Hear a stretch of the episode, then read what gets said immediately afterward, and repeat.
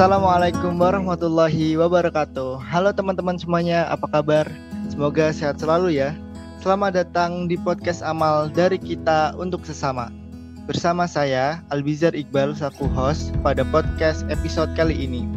Sebelumnya aku mau kasih tahu nih ke teman-teman bahwa podcast amal ini bertujuan untuk membantu saudara-saudara kita yang kurang mampu.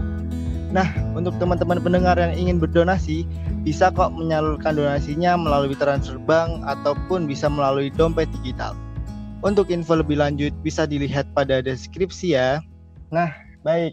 Kita lanjut ya pada episode kali ini kita akan membahas tentang the journey to be a dentist atau perjalanan kita untuk menjadi dokter gigi. Nah, di sini saya nggak sendirian loh. Di sini saya uh, ditemani seorang dokter gigi yang sempat menjadi uh, lulusan terbaik dengan IPK sempurna. Nah, pasti teman-teman uh, kepo kan atau bertanya siapa sih narasumber kita pada podcast kali ini? Langsung aja kita sambut dan kita undang Dokter Arya. Halo dokter, apa kabar? Halo, halo. Alhamdulillah baik. Uh, sekarang lagi di mana dok? Di Sumbawa atau di Solo dok? Saya alhamdulillah sekarang lagi di Solo. Di Solo. Ya. Berarti nggak pulang dok? Uh, belum sih, belum pulang. Belum. Kebetulan kerjanya prakteknya di sini jadi ya uh, langsung aja uh, kita ke pembahasan kita pada podcast episode kali ini dok uh, tentang the journey to be a dentist. Nah di sini dokter bisa sharing-sharing dok. Uh, jadi selama kuliah itu bagaimana sih dari sistem belajarnya atau kegiatan praktek dari di Fakultas Kedokteran Gigi atau mungkin uh, bagaimana cara belajarnya dok? Oke. Okay. Journey to be a dentist ya. Wah, ini tuh hmm. judulnya pendek tapi kalau diceritakan is very very long story karena benar-benar long journey. Oke. Okay. Nah, secara umum sih sebenarnya kalau ingin jadi dokter gigi atau dentis itu kita harus hmm. melalui fase yaitu fase uh, preklinik sama klinik. Ya semua orang tahu lah kayaknya kalau prekliniknya kan S1 ya S yeah. itu di mana kita ditempa dengan teori praktikum teori praktikum skill lab tutorial kayak gitu tuh tiap hari dan kalau di kebetulan sistem kita di kedokteran gigi UMS itu dia pakainya sistem blok uh, which is kita blok, yeah. blok itu nanti dia udah ada kayak paketan mata kuliah gitu jadi um, kita mau nggak mau harus ngambil kuliah itu di semester itu gitu kalau di dokter gigi kedokteran gigi. Iya betul betul. kalau di tempat lain kan masih bisa tuh pilih mata kuliah ini ah semester ini gitu-gitu masih bisa ya hmm. dengan catatan di PK sekian. Gitu. Kalau di kita ya harus mau nggak mau ambil paketan itu gitu kan sekitar dua kalau saya dulu sekitar yang paling banyak dua empat atau dua lima SKS gitu per, per semester sistem blok itu jadi misalnya uh, blok 3 itu kedokteran dasar satu misalnya. Ya udah itu misalnya jumlahnya 6 SKS atau 5 SKS ya udah kita selama satu blok itu bloknya itu biasanya berjalan satu bulan setengah biasanya ya. Satu bulan setengah kalau nggak satu bulan gitu selamanya selama itu kita pelajari itu terus gitu. Itu ada terdiri dari kuliah tutorial sama, sama praktikum maaf praktikum. Iya, iya, benar jadi kita bahasnya ya setiap minggu tentang blok kedokteran dasar yang isinya nanti misalnya minggu pertama per sistem misalnya sistem endokrin atau sistem uh, digestivus. Jadi jangan salah juga di kedokteran gigi doesn't mean kita cuma pelajari gigi di awal-awal enggak karena pada awal-awal kita tetap mempelajari tentang anatomikal sama uh, uh, fisiologi dari uh, kedokteran kedokteran umum. Yeah. Makanya ada nanti kedokteran dasar tetap kita pelajari secara keseluruhan gitu. Jadi jangan pikir oh dokter gigi lah cuma gigi doang. No, this is the wrong, big wrong kan. Iya, kita pelajarinya memang apalagi semester 1 2 itu masih benar-benar umum banget yang kita pelajari. Kedok iya, kedokteran banget lah, masih five. Yeah. Kita bahkan beberapa yeah. kuliahnya tuh kuliahnya ada kuliah pakar sama kuliah biasanya itu sama yang ngampu tuh dokter umum bahkan bahkan kadang kita praktikumnya juga di kedokteran umum gitu kan. Jadi ya yeah, masih vibe vibe-nya itu benar-benar FK banget lah kalau misalnya semester 1 semester 2 gitu. Nah baru nanti semester 3 gitu tuh baru tuh muncurus ke kedokteran gigi. Nah kita kita bayangin kita kan kayak alah ini udahlah kedokteran gigi lah udah kayaknya gampang nih gitu kan. Ternyata yeah, yeah, itu adalah naik mayer jebakan Batman yang ternyata lebih lebih susah gitu kan uh, logikanya gini aja kalau misalnya kita pelajari yang tentang kedokteran umum kan kita intinya secara superficial aja ya karena kita bukan yeah. bidang kita kan kalau dokter yeah, betul. mempelajari sampai spesifik sampai benar-benar ke dalam kita hanya mempelajari superficial Nah, kalau kita mempelajari udah masuk ke kedokteran giginya, itu berarti kita harus benar belajarnya benar-benar sampai tetek bengeknya itu harus kita benar-benar tahu gitu loh. Dari mulai bahan yang digunakan, nah itu bukan satu doang bahannya, alatnya juga nggak satu gitu loh. Dan itu bahkan di dikasih per semester itu sudah adalah nanti ada tentang alat bahan biomaterial, kedokteran gigi klinis, kedokteran gigi dasar pun ada kita pelajari tentang anatomi yeah. lebih spesifik uh, head and neck sih biasanya kepala dan rongga mulut itu lebih spesifik yeah, yeah. ya dan itu itu jangan dipikir uh, gampang itu karena eh persarafan sama pembuluh darah kan banyak banget tuh di situ tuh. Dan vital juga kan sampai ke otak juga. Jadi ya seperti itulah uh, gambarannya kira-kira. Jadi nanti ada praktikum. Kalau praktikum bedanya apa? Kalau praktikum sama skill lab kalau praktikum itu lebih ke kita pelajari teori ya dia jadi hmm, kalau misalnya yeah. kuliah itu kan dikasih teori. Nah pengaplikasiannya itu di praktikum tapi kalau skill lab itu kita nanti mengasah skill kita sebagai dokter gigi. Misalnya kalau skill lab pertama itu kita tentang anamnesis. Anamnesis itu adalah uh, hubungan komunikasi antara dokter dan pasien. Nanti kita dilatih skill kita itu berbicara ngomong. Jadi kalau misalnya teman-teman yang baru masuk FKG ini lihat dokter biasanya ngobrol nanya mulu sama pasien itu bukan tanpa sebab karena itu sedang kita menggali yeah. sesuatu yang yang apa yang akan kita jadiin diagnosis nantinya dari dari uh, penuturan pasien itu bukan suatu yang nonsen gitu. Jadi ada triknya ada iya. caranya buat menggali gitu.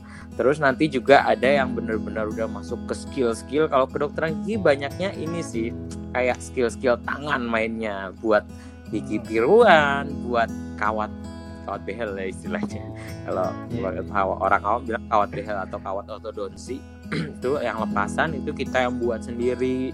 Terus nanti nambal cara restorasi istilahnya cara nambal itu gimana. Dan itu bukan cuma nambal plak gitu enggak. Cuma ditambal kayak aspal gitu enggak. Jadi nanti ada tekniknya gimana kita membentuk struktur anatomi morfologi dari gigi seperti itu. Terus nanti kita dipelajari tentang bagaimana cara perawatan saluran akar tapi di pentem atau di gigi di gigi uh, utuh yang udah dicabut gitu loh biasanya. Nah, itu sih biasanya. Terus nanti ada buat oh iya yang paling menyedihkan itu adalah ketika kita mencari gigi utuh. Mencari oh. gigi utuh untuk dibuat morfologi. Itu nanti ada. Jadi kita oh, buat ya? miniatur kayak gitu. Nanti kayak buat miniatur seperti itu. Miniatur gigi.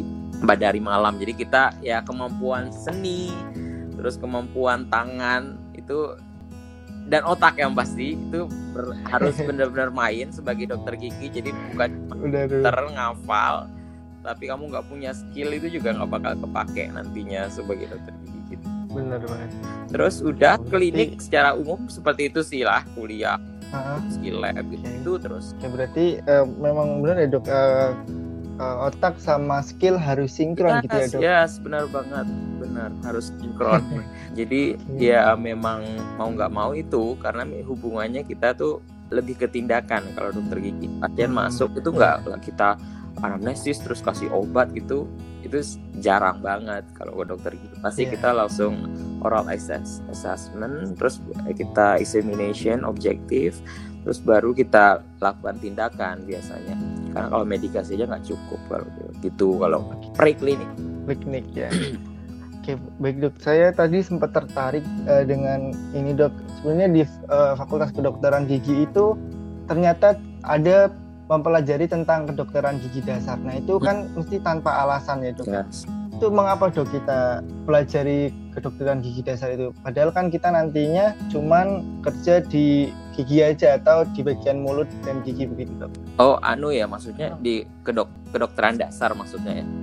Iya. Dokter gigi dasar nanti ada lagi soalnya beda. Itu kenapa dok kita juga harus pelajari itu Yes, semuanya? uh, kenapa kita harus pelajari kedokteran umum secara secara uh, general? Karena gigi juga termasuk ke dalam part of human body, termasuk ke dalam anggota tubuh dari manusia gitu. Dan itu bukan dia cuman nggak nggak nggak persarafannya pembuluh darahnya itu nggak sendiri khusus gitu nggak dan terputus sama yang lain nggak dan itu tuh nyambung. Mungkin beberapa dari teman-teman ada yang pernah mendengar bahwa infeksi vokal infeksi dari gigi bisa menyebabkan uh, jantung karditis kalau peradangan pada jantung sampai otak sampai sinusitis sampai ke mana-mana ke organ lain karena memang uh, itu semua berhubungan Terus kemudian uh, ada yang ber, uh, kalau misalnya pada penyakit dengan kelainan sex transmitted disease itu uh, contohnya apa ya? HIV misalnya. HIV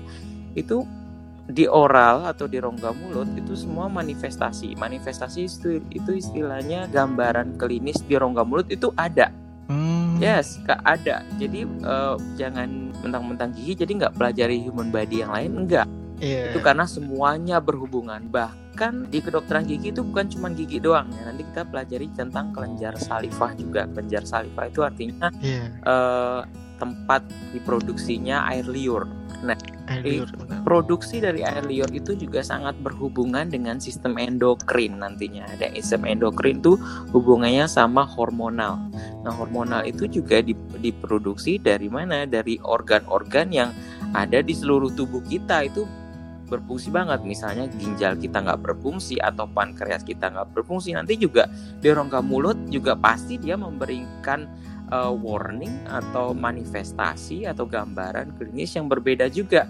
That's why kita harus pelajari juga. Selain itu, juga kita nanti pada saat um, perawatan itu kita harus juga me melihat uh, sistemik penyakit dari pasien secara umum juga Misalnya, apakah dia punya alergi, punya tekanan darah tinggi, atau punya diabetes, itu juga mempengaruhi perawatan yang akan kita berikan pada pasien nantinya. Misalnya, kita mau cabut nih gigi pada pasien dengan dia sudah e, jantungnya dipasangin ring. Itu pasti tindakannya nanti kita akan beda dengan pasien yang umum sehat secara umum.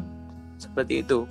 Kemudian juga untuk kedua, misalnya di pasien diabetes mellitus. Pasien diabetes mellitus kan berarti ada gangguan pankreas kemungkinan ya. Kalau enggak uh, sel beta Langerhannya atau bisa lah DM tipe 1 atau tipe 2 gitu misalnya.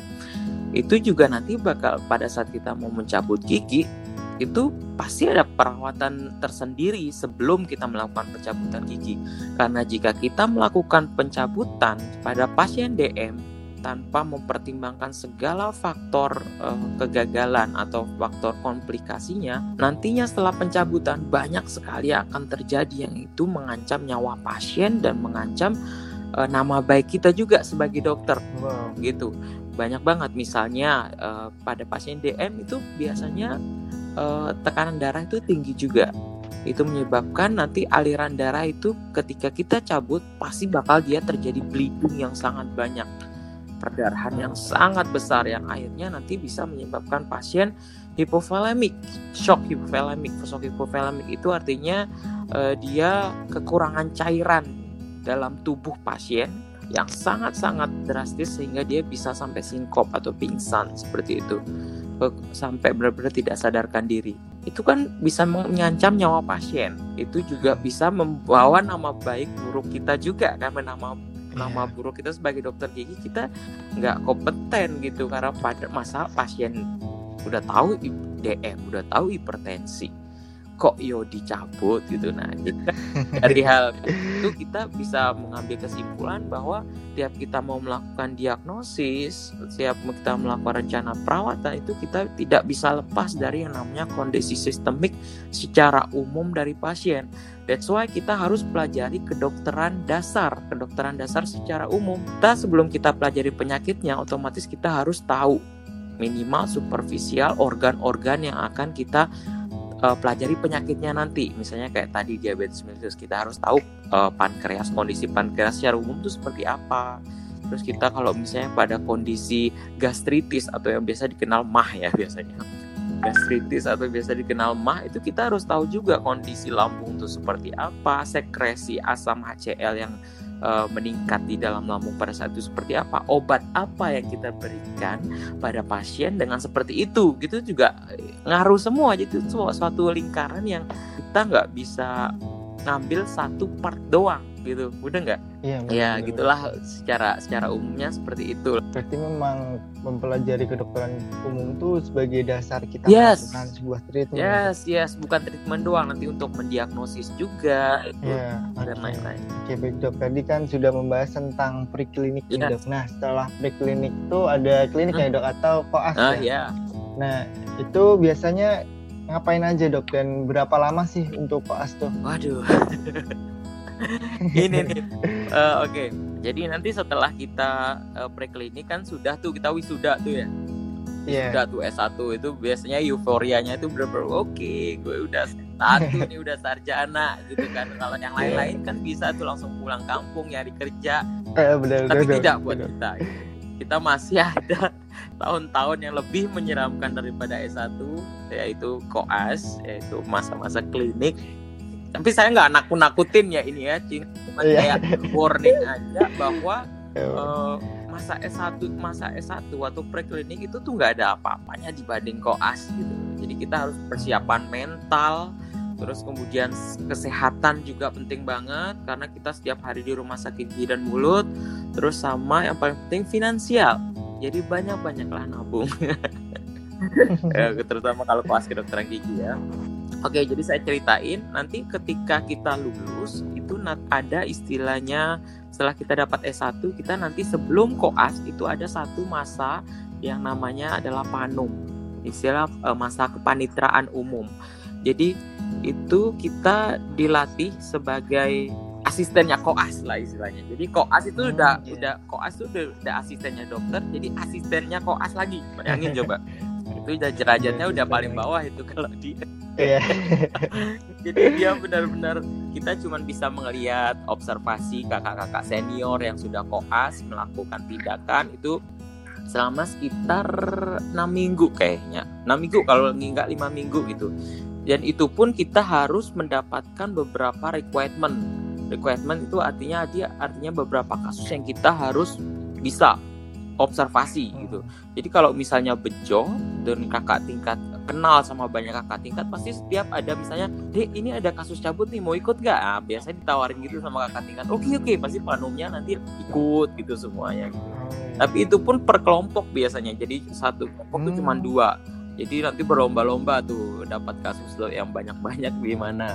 Nah, kak dia baru bisa ujian panu itu ketika dia sudah selama enam minggu itu memenuhi requirement yang sudah ditentukan dari kampus itu nanti ada ujiannya juga tuh deh jadi koas tuh nggak asal masuk koas loh.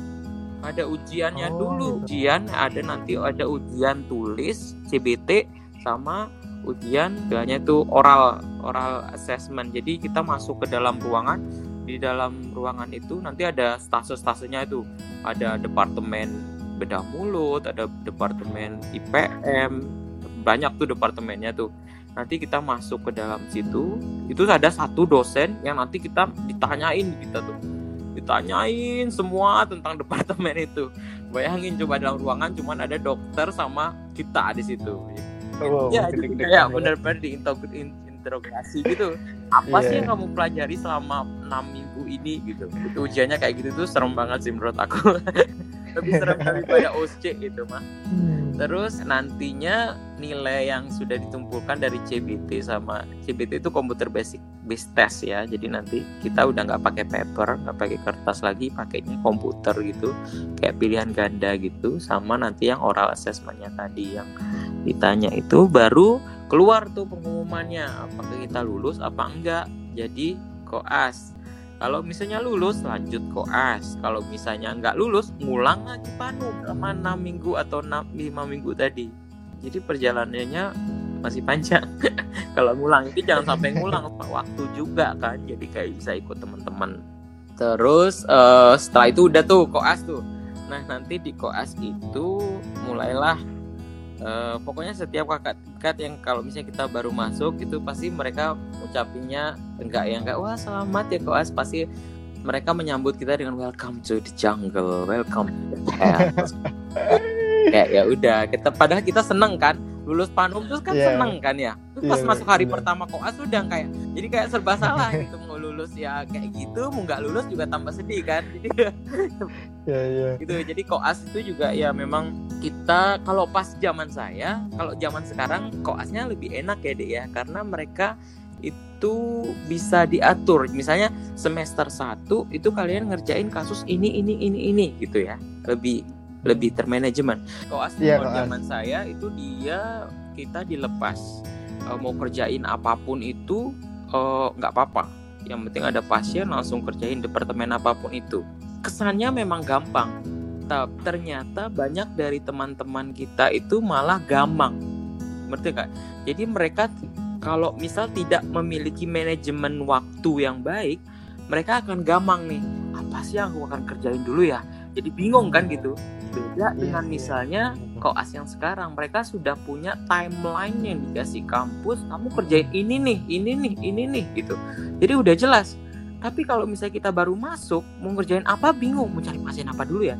Dan satu lagi yang paling penting kita koas di kedokteran gigi itu koas tuh kita yang nyari sendiri deh jarang banget pasien itu datang sendiri kayak gitu jarang jarang banget makanya itu yang susah di kedokteran gigi adalah kita mencari pasien sendiri dengan kasus yang di mana kadang uh, pasien itu nggak tahu apa yang diderita ya, ya wajar lah namanya pasien pasti nggak yeah. ngerti ya apa penyakit yeah, yeah. misalnya kita cari nambal kelas 2 misalnya nambal kelas 2 itu kavitasnya atau karies atau lubangnya itu harus ada di bagian proksimal.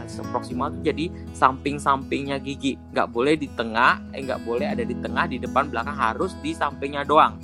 Nah, nggak mungkin kan dengan secara kasat mata itu kita lihat orang, masyarakat, oh tanpa membuka mulut, oh ini nih kasusnya kelas 2. Nggak mungkin kan? Mau nggak mau kita yeah. harus buka mulutnya tuh orang. Iya nggak? Sementara kita ketemu orang baru, masa langsung Pak boleh buka mulut nggak? Sopan ya bayangin ya. Jadi yeah. itu agak sulitnya begitu. Jadi kita harus uh, istilahnya pemeriksaan ke pasien tuh banyak-banyak untuk menemukan pasien uh, kasus yang banyak juga gitu. Kalau saya dulu manajemen waktunya itu karena memang saya udah buat dari awal saya harus kerjain ini ini ini. Jadi saya manajemen diri sendiri gitu loh itu sih susahnya kalau koas di kedokteran gigi manajemen waktunya itu harus benar-benar di, diatur sendiri. Karena kalau misalnya kita terlalu banyak santai nggak ngerjain pasien kita juga lulusnya lama deh jadi di kedokteran gigi itu sekarang harusnya kan koas tuh dua tahun tuh. Tapi banyak banget yang lebih dari dua tahun tuh banyak banget. Bahkan yang lulus dua tahun itu jarang banget. Jarang banget yang lulus dua tahun. Kalau saya dulu alhamdulillahnya uh, bis, memang saya dari awal dari semester 1 koas sebelum masuk koas even pas panum saya sudah target. Saya harus lulus saya target saya lulus satu setengah tahun dengan IPK 3,8 eh 3,9 maaf waktu itu. Target saya waktu pertama kayak gitu. Jadi saya otomatis harus kerja ekstra hard banget ngejar 1,5 tahun itu. Pasti senior itu pada ini ya kalau pada pada pertama saya masuk dengan ambisi saya yang besar pasti mereka juga agak agak sirik banyak lah tahu lah karena orang yeah, dengan yeah. dengan berbe ingin berbeda itu pasti banyak orang yang sirik itu wajar banget. Kayak nggak mungkin yeah. lah kamu kok satu setengah tahun. Orang gila kali orang kita aja sekarang udah tiga tahun kok sudah empat tahun kok as belum lulus lulus gitu kan. Karena belum ada sebelum sebelum sebelum saya itu belum ada yang sebelumnya lulus tepat waktu itu belum ada. Jadi saya juga agak ada sih yang ada, agak tepat waktu itu dua tahun satu bulan dua tahun dua bulan dua tahun tiga bulan gitu deh ada yang hampir mendekati itu ada hmm. tapi yang on time 2 tahun tuh belum ada. Waktu bayangin uh, kamu ingin membuat dobrakan yang suatu yang su orang lain yang banyak kakak tingkat senior aja udah bilang susah banget tapi kamu ingin ngelakuin itu sebagai target kamu itu suatu yang gila menurut orang ya wajar. Menurut aku seperti itu. Tapi tapi aku nggak mau putus asa. Aku yakin bisa ngerjain itu. Makanya aku setiap hari itu bawa pasien terus bahkan waktu dulu masih gampang ya waktu zaman saya itu alhamdulillah masih gampang. Saya bisa satu shift salah satu shift itu kan dari jam 8 sampai jam 12 deh Nah shift kedua yeah. itu jam 1 sampai jam 5 Satu shift itu saya bisa bawa dua pasien sampai tiga pasien. Padahal harusnya cuma satu pasien doang. Itu trik saya. Itu saya, saya, saya itu trik saya zaman dulu kok dan shift kedua itu saya bawa lagi pasien. Entah itu yeah. entah itu pasien saya dari tahu dari mana saya juga nggak paham tapi memang saya uh, bukan hanya diem doang terus pasien datang saya nggak saya juga hmm. pernah mencari pasien itu door to door bahkan. Wow. Jadi, jadi saya benar-benar ketok pintu ke warga-warga sekitar. Ibu ada keluhan gigi nggak? Kayak gitu-gitu. Saya periksain hmm. kasus itu. Dan bahkan saya pernah beberapa kali, bukan beberapa kali, sering sih, sering banget di iniin sama warga yang kayak diusir gitu, udah makanan biasa kita diusir itu dari rumah warga. Dan kata-kata yang paling menyakitkan adalah udahlah mas saya nanti periksa ke dokter beneran aja. Saya nggak mau jadiin bahan praktek kan coba bayangkan. Dokter beneran dikira kita dokter abal-abal kira kan. Iya, iya. makanya itu hal yang paling menyakitkan gitu dan iya. kadang pasien juga sudah datang. Misalnya kita udah bisa merayu pasien. Ayo pak saya rawat. Nanti saya bayar perawatannya. Pak nggak apa-apa gitu. Jadi kita jangan salah pikir loh dek kita ngerawat pasien itu kita bayar juga loh ke kamu di luar hmm. SPP that's why hmm. saya bilang dari awal prepare itu bukan cuma mental kesehatan fisik otak finansial juga paling penting karena kita yang membayar perawatan pasien. Bayangin kalau misalnya kita buat gigi tiruan. Gigi tiruan itu dari hmm. awal sampai akhir yang gigi tiruan lengkap itu sekitar 2 sampai 3 mungkin ya. Saya lu agak lupa harganya. Itu kita yang nanggung loh dik. Belum lagi oh. nanti pasiennya kalau misalnya mbah-mbah yang orang tua tuh kan yang nggak ada giginya semuanya itu mbah-mbah. Iya. Yeah. itu tuh kita harus nanggung juga cara kita yang jemput kita yang kasih makan nah pasien anak juga gitu kita beliin mainan biar biar hmm. biar dia tuh mau gitu kalau di koas ada triknya jadi makanya saya salah satu hal yang saya kagumi dari dokter gigi selama koas itu adalah manajemen waktunya itu penting banget. Dan yeah. selama selama jadi dokter gigi pun sekarang ini saya kerasa banget sudah terlatih manajemen waktunya selama koas. Bukan cuma manajemen waktu, manajemen uh, kita menjual diri, bukan menjual diri dalam hal negatif ya maksudnya yeah. Iya, iya. kualitas kita kepada pasien untuk pasien itu percaya kepada kita juga itu perlu dipertimbangin banget pada saat koas kita memang belum punya titel dokter deh waktu itu kita baru cuman sarjana yeah. ya kan orang juga bakal nggak bakal peduli ala sarjana kedokteran gigi itu apa yang tahu tuh mereka dokter gigi bukan sarjana kedokteran gigi gitu kan padahal e, cara cara jelasnya ya mau nggak mau kita yang ngerjain bu. Tapi kita dalam pengawasan spesialis dokter spesialis. Jadi memang kita mengerjain itu bukan suatu yang hal gampang misalnya kita nyabut gitu ya. Uh, ya udah tinggal nyabut sendiri. Enggak. Kita nanti ada diskusinya terlebih dahulu. Diskusi kasus. Istilahnya kita foto dulu pasiennya kondisi giginya seperti apa. Kita diskusikin dulu tuh ke dokternya. Kalau zaman saya dulu buat laporan kayak gitu foto berdasarkan hasil pasif kondisi sistemiknya seperti ini gigi ini akan dilakukan pencabutan dengan diagnosis ini ini ini. Kita presentasikan. Nanti banyak tuh teman-teman yang nanya caranya gimana? Bahannya apa? Gitu-gitu. Itu juga kita ditantang dari awal itu kita harus presentasiin dulu bahkan sebelum perawatan gitu loh jadi pasien datang tuh nggak langsung dirawat. Kita diskusi yeah. dulu diskusi dulu tuh. Sudah setelah itu bukan cuma diskusi kasus dari pasiennya kita juga perlu ada jurnal penunjang jadi ada istilahnya pada saat zaman saya itu dan istilahnya PJ jadi presentasi jurnal. Kita harus melihat jurnal-jurnal internasional yang misalnya yang dengan kasus serupa misalnya pencabutan pada gigi ini itu itu kita harus presentasiin juga jurnalnya. Oh berdasarkan jurnal ini kita itu merawat. Jadi kita melakukan perawatan itu bukan asal-asalan itu udah berdasarkan hasil jurnal presentasi jurnal kita hasil diskusi kasus kita kepada dokter gitu. Jadi setelah itu baru kita lakukan rencana uh, apa namanya kita lakukan pencabutan uh, atau rencana perawatan lain kita tindakan. Setelah itu bukan cuma berhenti di situ. Hasil dari perawatan kita kita harus presentasiin lagi ke dokter.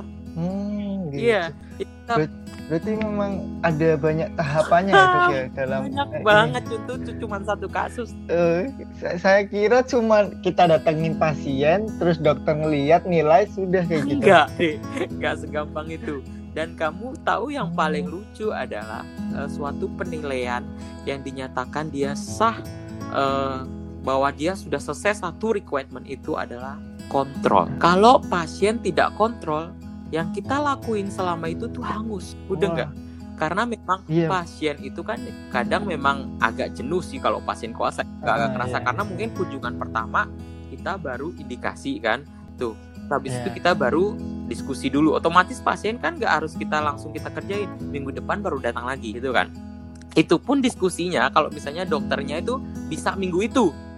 Kalau dokternya bisa minggu depan ya udah dokter eh, pasiennya nunggu dua minggu baru bisa dicabut tuh. Padahal pasien udah sakitnya kayak gitu bayangin coba. Bingung nggak?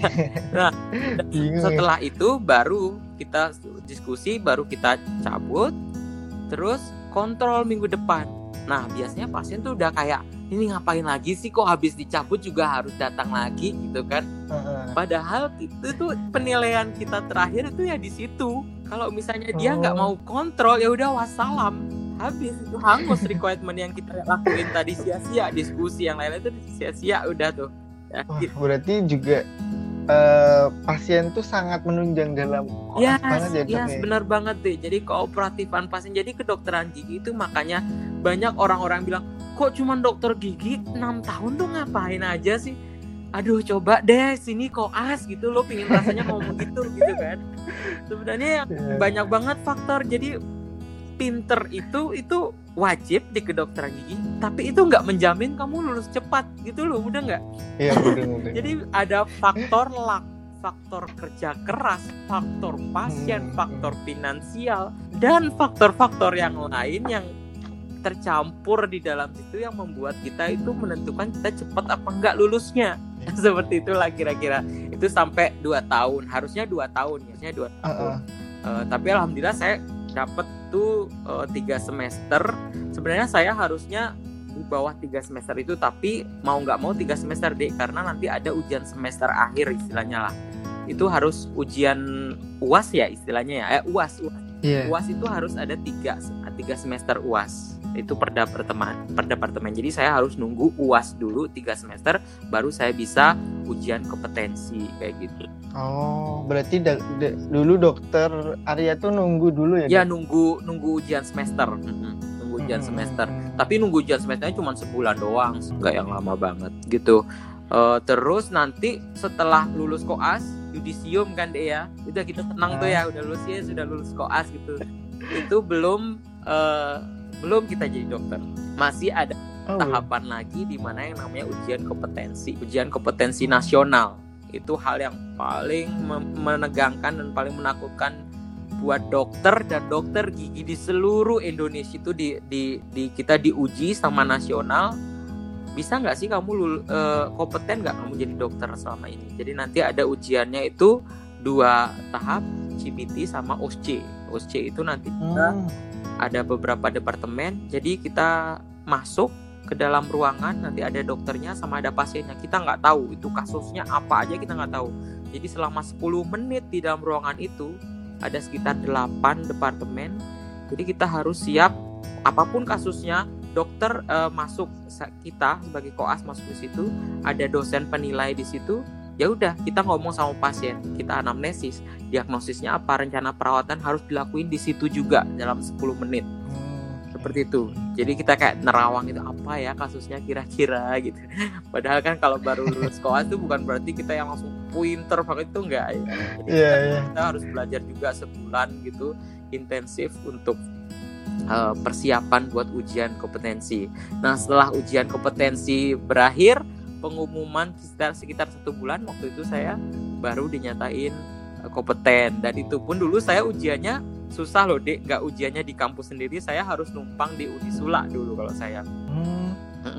karena waktu itu kita belum punya USG Center belum oh. ya belum USG Center. Jadi saya dulu ujiannya di uh, di Unisula di universitas lain. Dan itu pengujinya ya berarti penguji dosen sana semua dek dan oh, kenal semua. Jadi, jadi kita harus benar-benar menunjukkan kualitas kita. Kalau beda lah deh kalau misalnya sama dosen sendiri tuh pasti ada penilaian yang kayak oh sama dosen ini nih saya udah kenal selama ini kan kayak yeah, lebih yeah. pede kan lebih kayak yeah, yeah, oh udah sama udah biasa ketemu setiap hari. Tapi di sana kita ketemunya sama dosen luar semua gitu kan. Jadi memang hmm. harus benar-benar 10 menit itu dipergunain untuk menunjukkan kualitas kamu bahwa kamu kompeten menjadi dokter gigi. 10 menit itu dalam berapa departemen itu. Dan itu waktu itu uh, alhamdulillah saya one shoot lulus uh, sekali sekali tes lulus, lulus langsung sama teman saya satu. Jadi kita ngikut yang di Unisula itu sekitar 10 orang itu yang lulus one shoot itu cuma dua orang. Yang one shoot tuh maksudnya CBT sama usianya lulus langsung cuma dua orang. Yang lain belum beruntung harus ngulang lagi di periode berikutnya. Mundur jadi dokter giginya. Seperti itu. Jadi, jadi panjang banget. Kalau kalau ngulang gitu ngulang di tahun berikutnya berarti enggak itu? sih kalau di uh, eh, UKMP ujian kompetensi itu kita setahun itu sekitar ada empat empat per lima oh. ya empat lima kali gitu. Jadi di tahun yang sama tapi sekitar tiga bulanan lah jedanya tapi ya sama aja tetap mundur kan mundur iya. di batch berikutnya. Nah setelah itu baru kita disumpah. Nah, itulah akhir dari kita jadi dokter gigi lah udah. Seperti itu. Panjang ya itu itu secara simple secara secara sedikit yang saya ceritain. Tapi kesannya udah panjang banget ya. Tapi menarik banget sih bahasan kali ini ya itu padahal banyak banget sih harus diceritain tuh tapi ya nggak mungkin cukup satu podcast ini doang kayaknya. Iya iya kalau untuk suka dukanya kuliah di FKG apa dok? Untuk sukanya itu hmm, pertama karena saya sangat suka dengan kedokteran gigi. Itu istilahnya saya saya jatuh cinta dengan ilmu itu gitu. Jadi sukanya ya saya bisa mendapatkan ilmu tersebut. Kemudian pas koas ketika kita uh, treatment pasien misalnya salah satu pasien saya dulu mbah-mbah itu sampai sekarang masih berkomunikasi. Ketika kita rawat, uh, dia gigi tiruannya itu alasannya dia ingin buat gigi tiruan penuh itu beliau akan pasca stroke. Beliau susah makan, beliau susah makan dan agak nggak pede gitu beliau kalau ngobrol sama temennya. Ketika kita saya rawat, akhirnya beliau sekarang bisa makan, bisa berkomunikasi, bisa berinteraksi dengan teman-temannya dan selalu, anaknya selalu menghubungi saya mengucapkan terima kasih banyak terus ibunya sekarang bisa hidup normal. Itu suatu hal yang sangat mahal banget bagi saya. Itu bisa merawat pasien kemudian beliau berterima kasih bahkan sampai dikirimin sesuatu segala sesuatu hal ya nggak nggak mahal sih. Tapi bagi saya itu adalah penghargaan. Penghargaan titik penghargaan tertinggi bagi saya di mana saya bisa merawat pasien hingga pasien tuh merasa kualitas hidupnya itu bertambah seperti itu. Bayangan kita tuh cuman koas deh. Istilahnya koas tuh apa sih koas gitu kan? Bisa ngerawat merawat pasien yeah. sampai pasiennya tuh seneng banget kayak gitu dan kualitas hidupnya bisa bisa ngobrol mengunyah dengan baik, bisa mengobrol dengan baik dan bahkan sampai PD sekarang ngobrol itu suatu hal yang mungkin bagi orang lain tuh hal biasa tapi bagi saya tuh luar biasa karena perjuangan pembuatan gigi prosesnya itu sekitar empat bulanan atau enggak lima empat bulan saya waktu itu ngerjain gigi tiruan itu.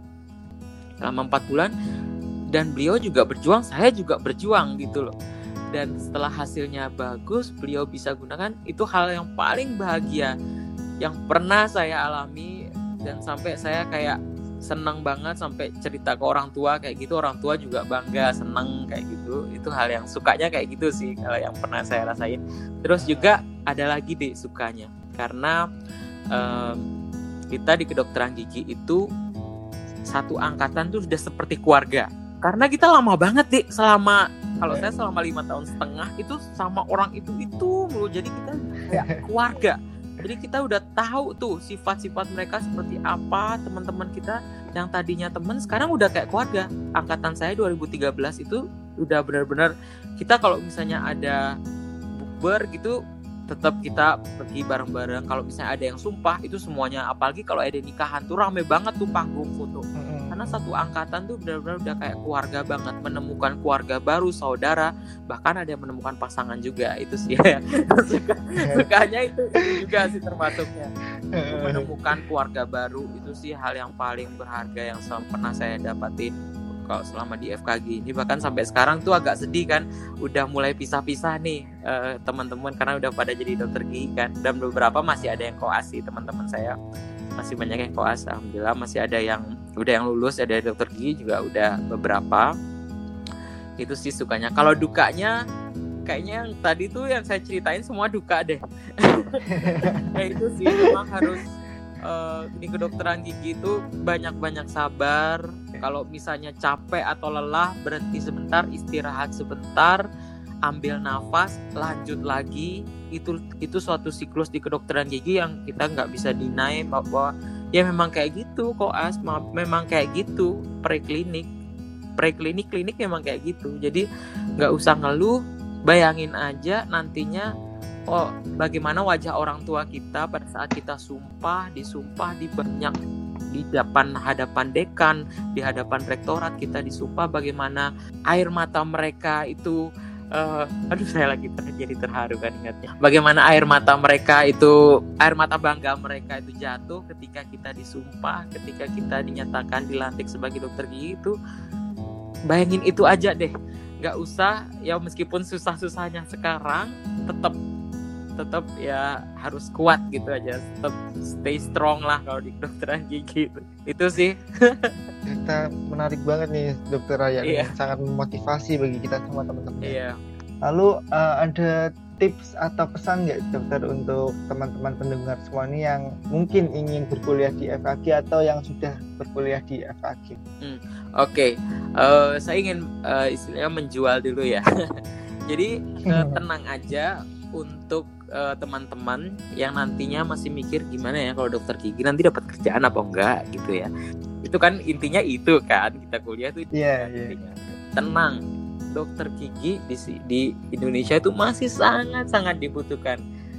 Dari uh, uh, kacamata yang saya lihat sampai saat ini nggak ada lulusan dokter gigi yang nganggur ongkang-ongkang kecuali memang dia anaknya Abu Rizal Bakri kali ya.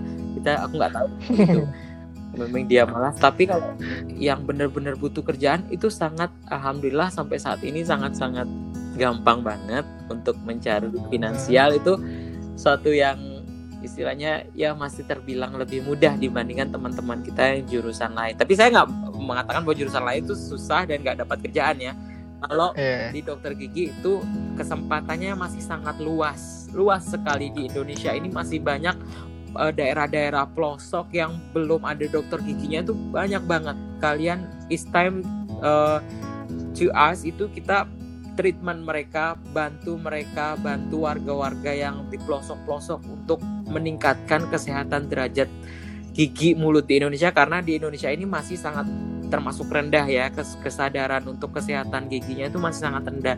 Itulah tujuan kita kuliah di kedokteran gigi ya untuk menyadarkan itu masyarakat bahwa penting kedokteran gigi itu penting banget dokter gigi itu penting banget gigi kesehatan gigi dan mulut itu penting itu sih itu jadi pesan saya kalau misalnya mau masuk ke dokteran gigi harus siap. Siap secara mental. Yang pertama itu adalah mental. Yang lain bisa ngikutin. Karena jika mental itu nggak kuat ya banyak teman-teman saya maaf saya ingin ceritain dikit lagi banyak teman-teman saya yang mengalami stres uh, bahkan uh, kakak tingkat saya ada yang uh, mengalami penyakit yang juga patut disayangkan ya. Mungkin saya nggak tahu itu mungkin karena uh, depresi atau gimana. Jadi banyak banget kejadian yang hubungannya itu sama mental gitu deh jadi ya harus siap masuk ke dokteran gitu harus siap mental. Siap mental apa pun yang terjadi siap tempur. Uh, ingat aja Allah masih bersama kita. Bagi yang muslim uh, Allah masih bersama kita. Kalau yang non muslim Tuhan itu masih ada masih tetap membantu kita asal kita mau berusaha kita meminta kepada Tuhan kemudahan itu pasti pasti bakal dibantu. Itu sih mental kesehatan mental sih yang terutama di uh, sama fisik juga. Fisik itu harus benar-benar harus pintar ngatur jadwal karena jadwal kita di kedokteran gitu sangat-sangat padat. Kuliah praktikum uh, tutorial nanti belum lagi ada tugas banyak banget jadi harus pintar-pintar ngatur kesehatan fisik. Kalau misalnya kita sakit misalnya sehari aja kita bakal ketinggalan banget semua jadwal yang akan kita lakuin pada hari itu. Yang itu nanti juga berpengaruh pada nilai kita terus kemudian harus nambah kerjaan lagi kita harus uh, ngulang lagi di akhir semester kayak gitu. Itu suatu yang harus benar-benar di maintain semuanya selain finansial ya. Itu sih kalau menurut saya baik dokter. Terima kasih dokter. Sama-sama. Sangat memotivasi sekali ya teman-teman. Banyak pelajaran yang bisa kita ambil dari podcast kali ini. Alhamdulillah jadi ya. pembelajaran. Okay. amin amin amin. Uh, jadi uh, dari kesimpulan ya dari podcast kali ini. Bahwa jadi mahasiswa kedokteran gigi itu harus imbang ya semuanya. Yes. Baik skill maupun pintar mm -hmm. otak ya dan kita juga harus pintar memanajemen waktu mm -hmm dan fisik. Oh, iya benar. Uh, dan jangan lupa berdoa kepada Tuhan yeah. yang Maha Esa agar selalu diberikan kesuksesan. Yes, gitu yang boleh. Serta usaha dan kerja ah, keras. Ah, benar. Oke, baik dokter. Terima kasih, sangat memotivasi bagi teman-teman. Insya Allah ini uh, saya juga uh, bergetar tadi ya mendengarkan waduh, cerita dokter waduh, ini merinding. uh, ya kita mungkin sudah sampai di penghujung acara. Terima kasih dokter untuk sharing-sharingnya dan sudah menyempatkan waktu. Sama-sama. Terima kasih juga untuk uh, teman-teman yang sudah mendengarkan untuk meluangkan waktunya. Hmm. Saya selaku host uh, pamit undur diri. Terima kasih sekali lagi dokter. Terima kasih atas pelajarannya. Yes. Saya tutup. Wassalamualaikum warahmatullahi wabarakatuh. Warahmatullahi wabarakatuh.